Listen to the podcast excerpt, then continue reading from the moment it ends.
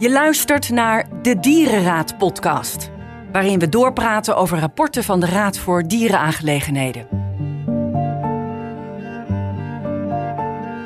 Wat doe je als eigenaar van een hondenasiel met een hond die je nergens geplaatst krijgt, maar die je wel geld kost? En wat te denken van kuikens die niet verhandelbaar zijn omdat ze de verkeerde seksen hebben? Of een giraf met genen die niet passen in het fokprogramma van de dierentuin? Vinden we het acceptabel dat deze dieren voortijdig gedood worden of niet? Moet er dan altijd sprake zijn van ondraaglijke pijn bij het dier? Of kan een economische afweging ook doorslaggevend zijn? Hierover ga ik in gesprek in deze aflevering van de Dierenraad podcast. De presentatie van de Dierenraad podcast is in handen van journalist Margreet Rijntjes. Vandaag gaat ze in gesprek met deze deskundige. Jeannette van de Ven, geitenhoudster, en Leo den Hartog, bijzonder hoogleraar diervoeding, allebei raadslid van de RDA. Welkom bij de Dierenraad podcast.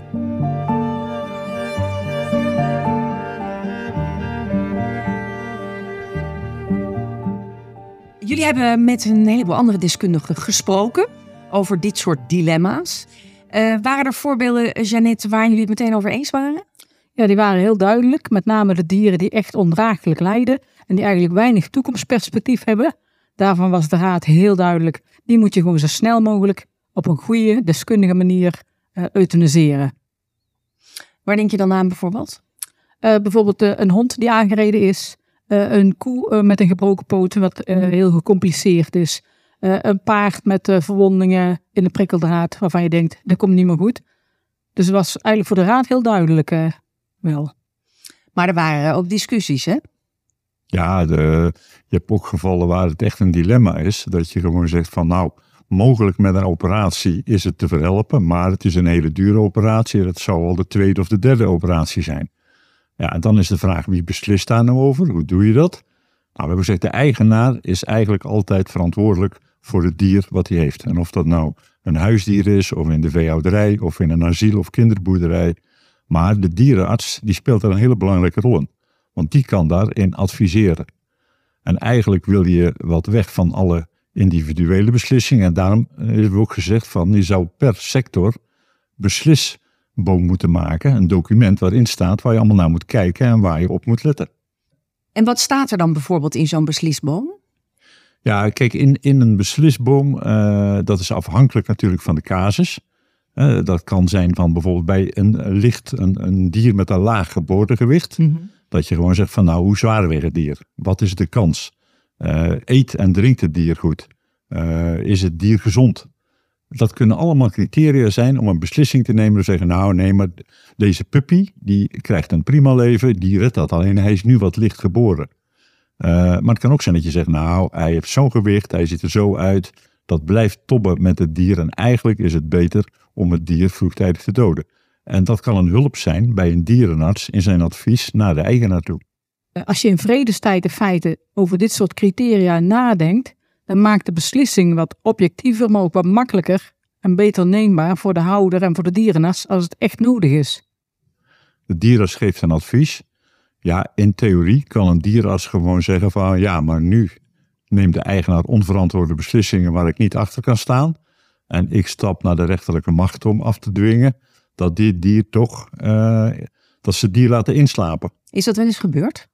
Nou, we hebben iemand in de raad die ook in de dierspraktijk zit en die zegt ik heb het één keer meegemaakt. Uh, dat was echt een hond waar uh, deel van, van de kop door bacteriën was aangetast.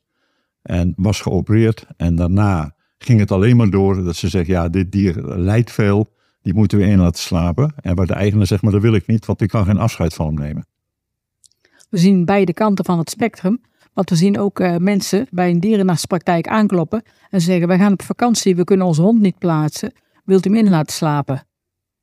Dus je hebt echt beide kanten van het spectrum. Mensen die veel te vroeg um, een dier een spuitje willen uh, laten geven. En mensen die eigenlijk te lang wachten. Uh, en het is heel lastig om daar een oordeel over te vellen.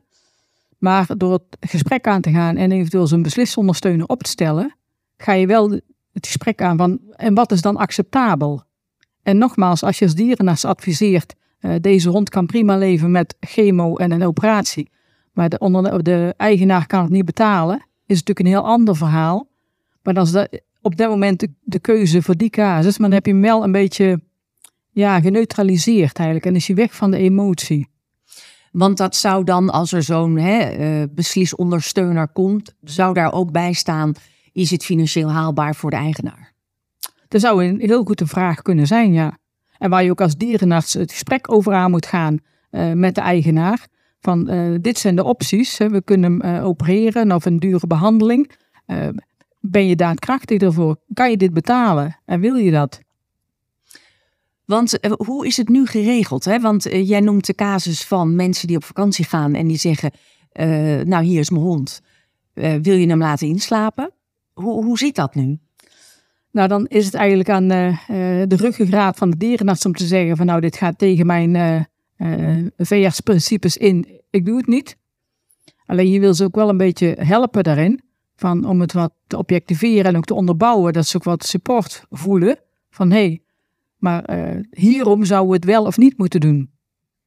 Maar het is ook van, niet alleen van laat je dier wel of niet inslapen, maar ook de manier waarop en wie mag het doen. Dus er komt veel meer bij kijken.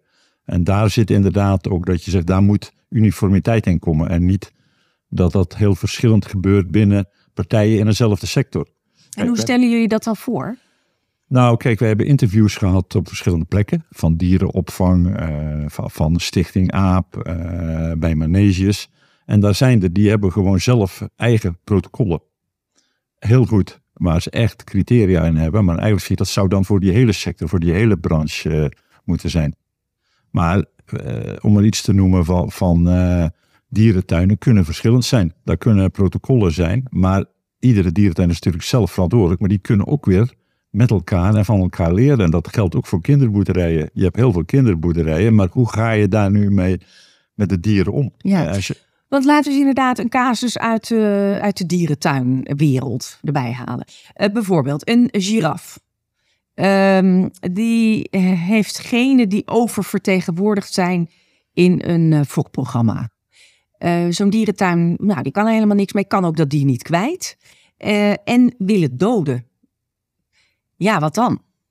Ja, dat is uh, best wel actueel. Het is in het nieuws geweest. Ja, precies. Dit is echt gebeurd, hè? Ja, dit is echt gebeurd. Vanuit genetisch oogpunt kun je zeggen van nou, het dier moet uit de kudde, want anders gaat hij zijn familieleden bevruchten. Dat wil je niet.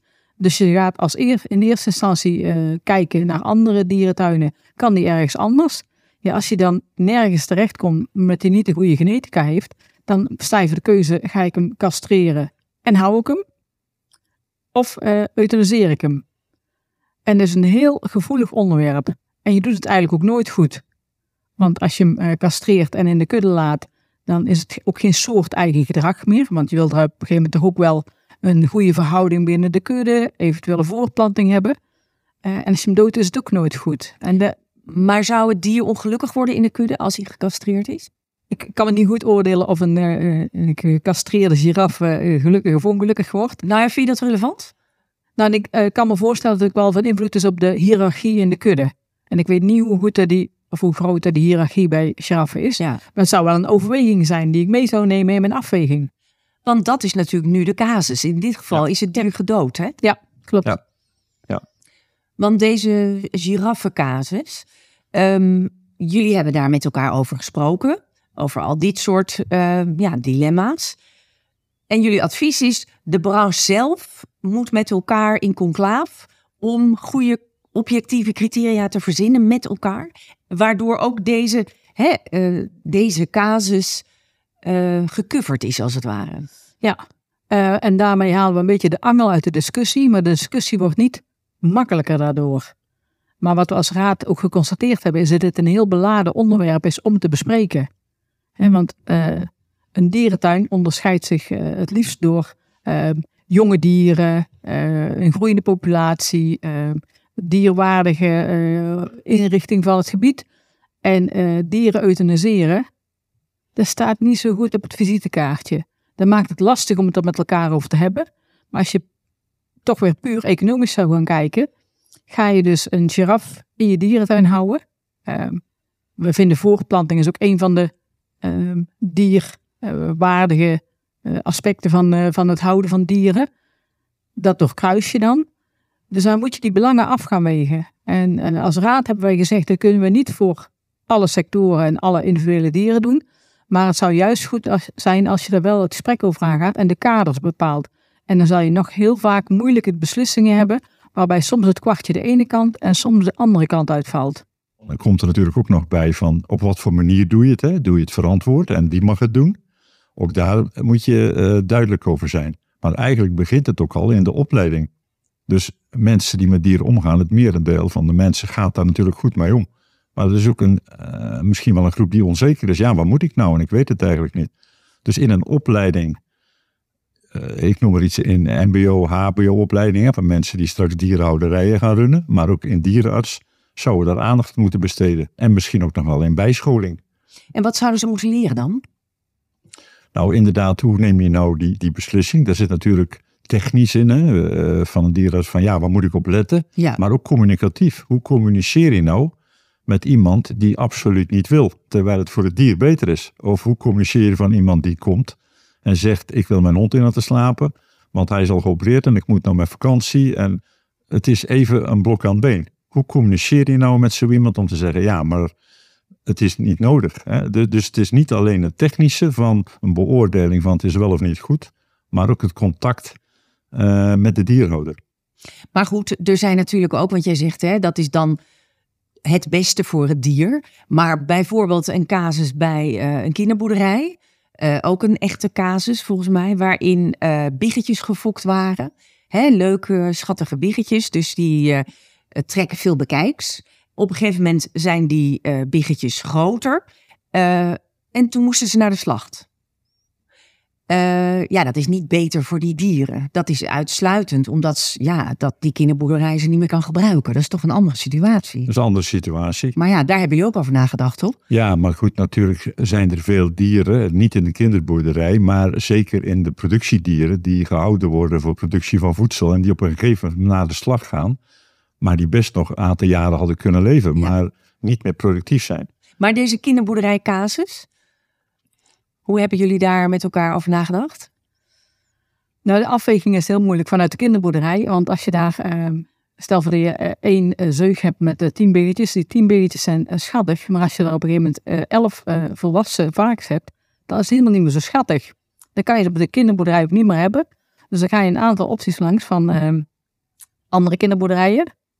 Maar die wil het liefst stuk aaibaar, klein, knuffelbaar. Um, het is leuk als misschien volgend jaar weer van die zeugbiertjes komen. Dus die andere dieren moeten weg. En dan is slacht een van de opties. En op zich ook niet zo'n verkeerde optie, omdat het dier dan nog wel een nuttige bestemming krijgt.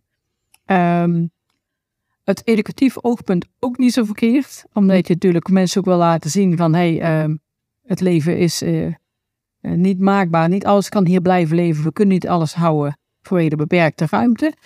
Um, en dat ze ook weten van waar ons voedsel vandaan komt. Maar de afweging is wel in de kinderboerderij van, kan ik het verhaal vertellen? Uh, kan ik het ook goed vertellen? Um, maar dit is wel een dilemma van, ze hadden misschien beter kunnen zeggen, we laten die zeug niet erachter worden. Dan krijgen we ook geen biggetjes. Hebben we ook die uh, problemen rondom uh, die volwassen opgroeiende biggen niet. Maar ja, reproductie is ook alweer een, een recht van een dier in feite. Dus. Nou, en je hebt zoiets als uh, kinderboerderij dat je publiek wil trekken. Dus de, hè, als er rondgaat in de buurt, er zijn hele lieve schattige biggetjes. Dan heb je daar een economisch belang bij. Uh, en dan na verloop van tijd heb je geen belang meer bij, bij die dieren, want ze zijn groot. Ja, maar dat zou betekenen dat je dus een soort uh, productie op gang moet houden van lieve schattige jonge diertjes. ten behoeve van de publiciteit. En daar zijn natuurlijk ook grenzen aan. Nou ja, dat gebeurt dus. Ja, uh, dan uh, zijn er natuurlijk ook grenzen aan van hou je dat tot in het oneindige en eindeloos lang in stand? Of zeg je van nou, één keer per jaar biggetjes vinden we prima en het hoeft niet twee of drie keer per jaar. Dus er zijn wel grenzen die een kinderboerderij op kan zoeken. En ik heb de indruk dat de meeste kinderboerderijen wel heel zorgvuldig mee omgaan. En nogmaals, het is in feite ook een recht van een dier om zich voor te planten. Maar als je het niet stuurt, dan plant zijn zich heel vaak voor. En daar heb je natuurlijk als kinderboerderij wel sturing op. Maar denk bijvoorbeeld aan maneges, eh, paarden die er lopen waar eigenlijk niet, mensen niet meer goed op kunnen rijden. Ja, wat, wat, hoe ga je daarmee om? Nou, vertel. Nou, als je kijkt naar de casus van het paard, zijn manege, die verdient natuurlijk zijn geld met eh, eh, lessen van mensen op het paard. Hè, ervan uitgaan dat het geen pensionstal is. Op een gegeven moment hou je die lessen op, want dat paard kan niet meer bereden worden. Dan moet je wel een afweging gaan maken, hou ik het paard dan toch? En heel veel uh, manegehouders doen dat. Ehm, maar dan moet je ook wel de afweging maken van, is hij hier het best op zijn plaats? Kan ik de zorg bieden die hij nodig heeft? Of loopt hij altijd in een bijtje apart? En je zou dus wel verschillende opties mee kunnen nemen. Hè? Hij kan een paardenrusthuis. Hij kan ook uh, uh, geslacht worden hè, voor voedsel. Hij kan uh, blijven lopen. Maar die opties om die te bespreken met elkaar en dan ook met anderen het gesprek over aan te gaan, kan me helpen in die besluitvorming. Want inderdaad, als je zegt, nou de paard is alleen maar oud. Als hij niet meer breder wordt, redt hij het prima. Is een andere afweging als wanneer hij oud heeft en echt bijvoorbeeld uh, versleten kiezen heeft en niet meer goed kan eten. En zo kom je steeds verder um, in de stappen van, um, om een beslissing te nemen. En uh, alleen oud is dan maar een heel mager criterium. Maar dan kan je dus wel gaan kijken, waar moet ik dan nog meer op letten? Kan hij goed bewegen? Kan hij goed eten? Um, wordt hij heel ongelukkig als hij afgezonderd is van de rest? Noem maar op. Ja. Want, uh, Jeannette, jij bent ook geitenhoudster. Ja, dat klopt. Ja, dus jij hebt vast ook in je eigen praktijk ook dit soort dilemma's. Ja, zeker. En uh, dezelfde moeilijkheidsgraad ook. Want als daar een, uh, bijvoorbeeld een lammetje geboren wordt met open rug, komt zelden voor, maar dan weet je gewoon, die gaat het niet redden. Dus dan is die, uh, die stap om hem te doden ook makkelijk, relatief ja. makkelijk. Dat is eigenlijk de eerste categorie waar jullie het net over hadden, ja. waar iedereen het over ja. eens was. Ja. Of inderdaad een, uh, een geit met een flikse uierontsteking waar je denkt, die komt er niet meer bovenop. Ja, dan er zijn bepaalde ziektebeelden die zegt, de, de, de dood is eigenlijk de enige goede dierwaardige uitweg. Ja, echt euthanasie eigenlijk. Ja, ja. Uh, euthanasie is een beetje lastig woord, omdat dan het dier zelf zou moeten aangeven of je er wil of niet. En dat is natuurlijk lastig. Ja, maar jullie gaan ervan uit dat het dier zou zeggen, ja, ja. ik wil liever dood. Ja, ja. ja. Voor zover je erin kunt vullen. Maar ik heb natuurlijk ook dieren uh, in een groep uh, waarvan ik denk, gaan die het op termijn wel goed doen. In die zin van, het zijn een beetje de achterblijvers, we groeien we slechter. Misschien al een paar keer behandeld voor een infectie of uh, een aandoening. En dan sta je voor de derde keer voor de keuze, ga ik hem meer behandelen. En dan is het van, nou je weet dat het geen goede melkheid gaat worden. Want uh, hij heeft uh, niet zijn energie opgestoken of ingestoken in goed opgroeien. Ja, economisch motief. Economisch motief, maar ook um, dit wordt ook wel een risico voor de rest van de koppel. Want dit is zo eentje die altijd van alles onder de leden heeft en kan daarmee ook de rest van de koppel infecteren. En dat zijn de moeilijkste. Want ik kan hem in leven houden. Uh, misschien met iedere maand antibiotica, maar dan blijft hij in leven. Alleen hij gaat niet het productiedoel dienen waar ik hem voor heb. En hij vormt het risico voor de rest van de kudde. En dan uh, ben ik wel heel blij met mijn eigen dierenarts, want dan hebben we wel vaak daar het gesprek over van, wat zou jij doen? Uh, en soms zegt hij van, nou, ik zou hem nog een keer behandelen. En soms zegt hij van, nou, hier moet je echt afscheid van nemen, net. Dit gaat hem niet worden. En dan is die relatie met de dierenarts wel heel belangrijk. Heb jij in je hoofd dan een soort beslisboom? Ja, en daar heb ik... Um, ik vind het wel goed om dat te toetsen met mijn dierenarts. En hij is natuurlijk ook niet wetenschappelijk onderbouwd. Maar vaak heb ik wel door mijn uh, ervaring wel een bepaalde blik van dit gaat wel of niet lukken. Um, wij hebben daar bij de verschillende sectoren, bij konijnen, bij schapen onder andere, die zeiden, die zeiden ook, we hebben het in ons hoofd. En dan zei ik altijd, ja, maar het is wel goed om het ook op te schrijven, zodat het echt geobjectiveerd heeft. Want wat ik in mijn hoofd heb, dat kan best iets anders zijn dan mijn collega geitenhouder of konijnenhouder in zijn hoofd heeft. En juist door die toetsing aan literatuur maak je het ook wel objectiever. En uh, heel veel veehouders zeggen ook van ja, maar dit doe ik eigenlijk altijd al. Maar het feit dat je het opschrijft en het goed uitzoekt van is het echt wel zo, maakt dat we uh, dus ook wel meer rust hebben bij, de, bij, de, bij het uiteindelijke besluit. Was er een casus waar jullie met elkaar ook niet helemaal over eens werden? Nou, uh, ik als boerin heb die kaas van die geiten natuurlijk ingebracht. Uh, en er was precies dezelfde reactie als hier van, oh, dat is een economische afweging. Uh, en ja, die telt zeker mee. Ik bedoel, ik verdien mijn brood met melk produceren. Uh, en niet meer geitjes knuffelen, bij wijze van. Maar het risico van eh, wat zo'n achterblijver kan hebben op de rest van de koppel, daar had iedereen zoiets van, oh, eigenlijk niet bij nagedacht. Nee. Ehm, en dan maakt het wel heel lastig om continu die afweging te maken. Is het nou puur economisch of speelt er nog iets anders? Eh, en het, het oordeel is heel snel, is uit de economische motieven. Daarom doe je dit. En ehm, we zijn begonnen met de, de hond, hè. Die kan je behandelen. En als die eh, eigenaar oprecht zegt tegen de dierenarts, je stelt een behandeling voor, maar kan het niet betalen. Dan vinden we dat ehm zielig en dan moeten we daar begrip voor hebben. En als een boer dat zegt, dan is het economisch belang. Dus wij denken er ook heel verschillend over. En die vond ik inderdaad ook wel iedere keer terugkomen van, om toch die nuance te krijgen van, is het inderdaad alleen economisch? Of ga je kijken van, ik kan op termijn niet de zorg bieden die die er nodig heeft. Had jij een ongemakkelijk gevoel eigenlijk over het feit dat je je toch ook een beetje in een hoek geduwd voelde toen bij die discussie? Eh, nee, helemaal niet. Maar ik vind het ook super belangrijk om daar wel het gesprek over eh, aan te gaan. Want er zijn een heleboel eh, afwegingen die je als veehouder maakt, waar de buitenwereld niet altijd van bewust is. En die je wel wil delen. En ik denk dat als je inderdaad daar transparant mee omgaat, dat het ook wel ehm, ja, voor draagvlak zorgt. De mensen denken, oh, maar zij is niet zo lichtvaardig met het besluit. Ik bedoel, je maakt een dier dood. Hè? Dat is, is wel even iets. En wij zien ook wel in, in Nederland, eh, en sowieso bij de staat van het dier, eh, wat ook door de RDA is uitgebracht, van de mensen ook anders tegen dieren Ja, aan gaan kijken. in dat rapport. Ja. Ja, en we zien gewoon een trend van, van, van 20 jaar terug. De mensen gewoon het dier veel meer als gelijkwaardig gaan beschouwen. Dus het betekent ook iets over wat jij mag doen met een dier. Of wat je mag besluiten voor een dier. Dat verandert dus ook.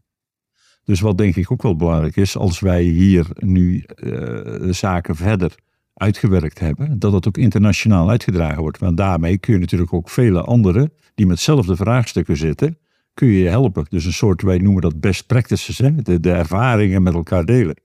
Wat we vanuit de raad ook eh, belangrijk vinden is om ons wel voor een deel in het dier te verplaatsen. En een besluit nooit alleen op economische motieven genomen zou moeten worden. Want dan kun je zeggen van, eh, ik heb een hond en ik heb, eh daar betaal ik hondenbelasting voor en ik koop hondenbrokken. Maar eh, gezien de energieprijzen eh, kan ik het niet meer opbrengen, dus ik laat hem inslapen. Dat zou natuurlijk een hele slechte motivatie zijn. En misschien krijgen we er wel mee te maken. Dus raad hebben we vooral ook gezegd, je moet ook naar het perspectief van het dier kijken. Heeft hij kans op een dierwaardig leven? En, en als dat eens eraan komt, dan kan je die afweging gaan maken. Wat uiteindelijk kan leiden tot euthanasie, maar ook heel veel stappen tussenin zitten. Hè, van eh, verplaatsen of behandelen, noem maar op. En dat is wel belangrijk dat het nooit alleen maar economisch is. En hebben jullie het gevoel dat de branches te porren zijn voor zo'n overzicht van allerlei criteria op basis waarvan besluiten moeten worden genomen? Ja, maar het is wel iets wat je niet kunt afdwingen. Mensen moeten er echt intrinsiek gemotiveerd zijn om daar eh, mee aan de slag te gaan. Want je kan het niet van bovenaf opleggen. En hoe creëer je dan die intrinsieke motivatie? Nou, als ik kijk bij eh, eh, de vakgroepen eh, schapen en konijnen, is het echt zo dat ze voelden van, ehm, we zijn bang dat mensen hier iets van gaan vinden. Wij denken dat we die afweging heel zorgvuldig maken, maar wellicht denkt de buitenwereld daar minder genuanceerd over. Vonden het wel heel spannend om hiermee aan de slag te gaan. Maar eh hadden wel zoiets van, als wij nou kunnen laten zien dat we die afwegingen heel transparant en goed onderbouwd maken, ehm, wellicht komen we dan ook niet zo in de vuurlinie van eh, mensen die heel snel een oordeel vormen. En ik denk dat ze daar gelijk in hebben. Want je hebt natuurlijk, hè, als je het hebt over konijnen, ook fokprogramma's waarin dan een speciaal uiterlijk zo'n dier moet krijgen. En het dier wordt geboren wordt zonder dat specifieke uiterlijk. Nou, dat zou ook een argument kunnen zijn om het te doden. Ja, nou, Ja. dat is wel super lastig. En eh, ik zit vanuit mijn eh, professie dus meer bij de professionele konijnhouderij, uh, beroepsmatige konijnhouderij en, en schaaphouderij. Ehm, maar die discussie is ook gevoerd binnen de raad van inderdaad, wat doe je als je voor een bepaald ras fokt en het- de nakomeling heeft niet de gewenste eigenschap of aftekening of vacht. Ja. Ehm, ja, en dan wordt het wel heel erg lastig. Waar komen jullie dan uit? Ehm, dat we er heel weinig van weten. Dat er niks over geregistreerd wordt. Dus dat het een heel grijs circuit is. Wat helemaal buiten ons blikveld eh, afspeelt. En dat het eerste zou zijn is van hoe vaak komt het voor? En wordt het überhaupt bijgehouden? Of uh, verdwijnen al die konijntjes in, uh, in de groene kliko bewijzen van, hè? We weten het gewoon echt niet. Uh, en dat maakt het lastig om te zeggen van je moet hiermee aan de slag. Of juist. Ja, met name inzicht zou al stap 1 zijn. En als je dan kijkt, moet er een beslisondersteuner komen? Dus dan stappen 2 of 3 of 4 pas. Maar juist de inzicht, denk ik, dat, dat missen we daar echt. En jullie hebben niet met iemand uit die branche kunnen spreken als RDA? Um, wel geprobeerd, maar uh, er zijn geen getallen naar boven gekomen. Dus kijk, het ergste is vaak om niet over dingen te praten. Ook al weet je het niet, of al is het een dilemma, maar maak het bespreekbaar en zoek naar oplossingen. Is niet altijd makkelijk, maar dan gebeurt er wel wat. Ja, zet stap 1 in elk Ja. geval.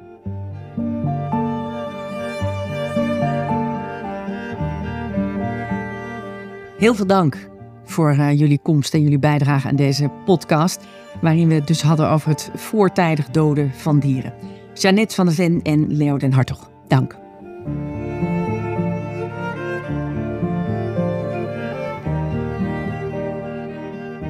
Tot zover deze aflevering van de Dierenraad podcast. Heel graag tot een volgende keer.